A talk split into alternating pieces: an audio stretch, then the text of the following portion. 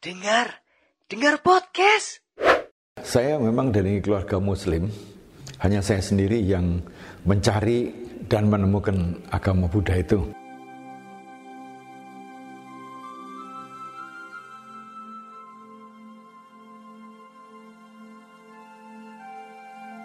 Uh, perkenalkan, nama saya Biku Jayamedo.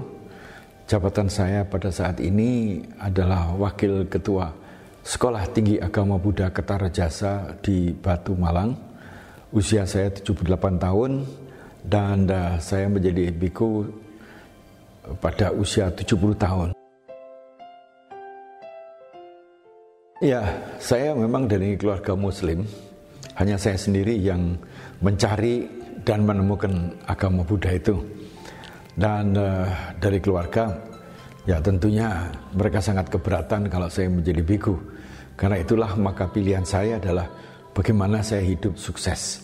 Mencari suatu karier di mana kerja saya pertama kali di American Express Bank melanjutkan ke eh, selama tiga tahun dan selanjutnya ke uh, Unilever selama 19 tahun dan kemudian melanjutkan ke Indofood Sukses Makmur selama 9 tahun. Kemudian melanjutkan juga di British American Tobacco juga sebagai direktur uh, selama enam tahun dan karier terakhir itu sebagai konsultan manajemen. Uh, ya, saya tidak membuat kejutan. Apa pun juga yang kejutan itu nggak baik. Dan di dalam keluarga, saya tidak menunjukkan suatu perbedaan ya bahwa waktu puasa seperti sekarang juga puasa ya zakat fitrah juga saya penuhi lebaran ikut bersama-sama sehingga tidak mereka tidak merasa uh, saya orang asing atau saya ini orang yang beda habisnya sama cuman pandangan hidup saya yang sudah berubah begitu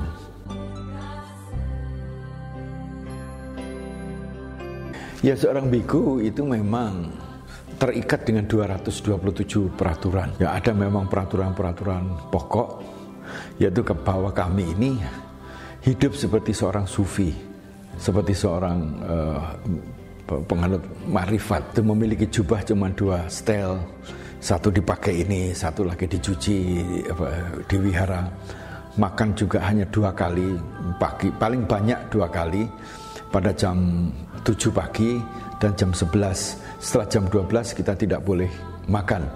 Ya boleh itu hanya minum saja. Itu pun sampai selama kita pakai jubah kuning, puasa untuk selamanya. Ya kemudian juga kita tidak uh, tidak boleh membunuh, tidak boleh mengambil barang yang bukan miliknya. Kemudian kita tidak boleh hubungan seksual, baik dengan perempuan, baik dengan laki-laki ataupun dengan binatang. Bersinggungan pun tidak boleh. Ya kalau dalam Islam itu gampang ada, bukan muhrimnya saya nggak boleh sentuh. Sudah tidak boleh uh, makan minum yang memabukkan.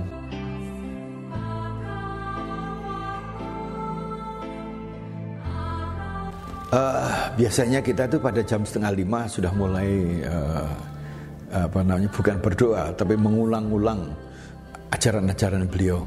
Ibu sebagai, sebagai uh, apa chanting bahasa Inggrisnya itu apa bahasa Indonesianya pendarasan. Jam 6 kita makan, kemudian jam 7 kemudian mulai membersihkan viharanya, nyapu, uh, ngepel, siram-siram, nyiram kebun. Kemudian pada jam 11 uh, eh, setelah itu kita mulai mencuci jubah sendiri dan sebagainya. Kemudian pada jam 11 kita makan lagi. Anda bisa bayangkan, jam 7 makan, jam 11 makan, rasanya gimana? Jadi kalau pagi makannya banyak, ya siang sedikit. Atau kalau eh, paginya sedikit, siangnya boleh makan. Kita harus bisa mengatur perut kita sendiri.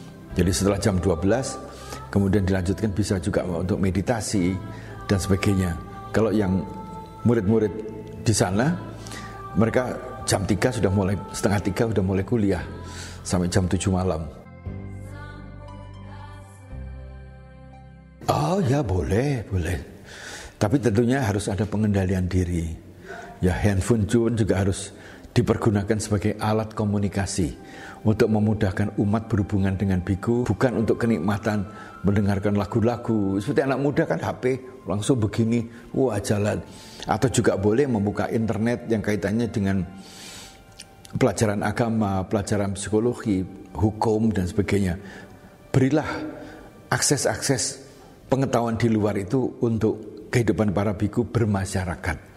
Tapi kalau berbiku tidak bermasyarakat, artinya mereka itu menjadi pertapa yang eh, tugas utamanya adalah pembersihan batin di hutan dan sebagainya. Maka HP tidak diizinkan, internet tidak diizinkan.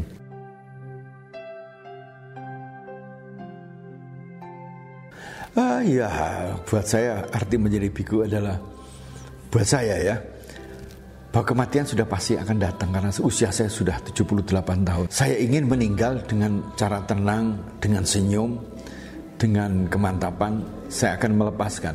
Jadi sebelum meninggal semua itu sudah dilepas sehingga melepaskan apa namanya badan wadak ini pun dengan dengan nyaman. Kemudian kedua adalah sisa hidup ini saya pakai untuk membahagiakan orang banyak tanpa harus membahagiakan orang banyak itu makhluk-makhluk tidak hanya manusia tapi semua makhluk.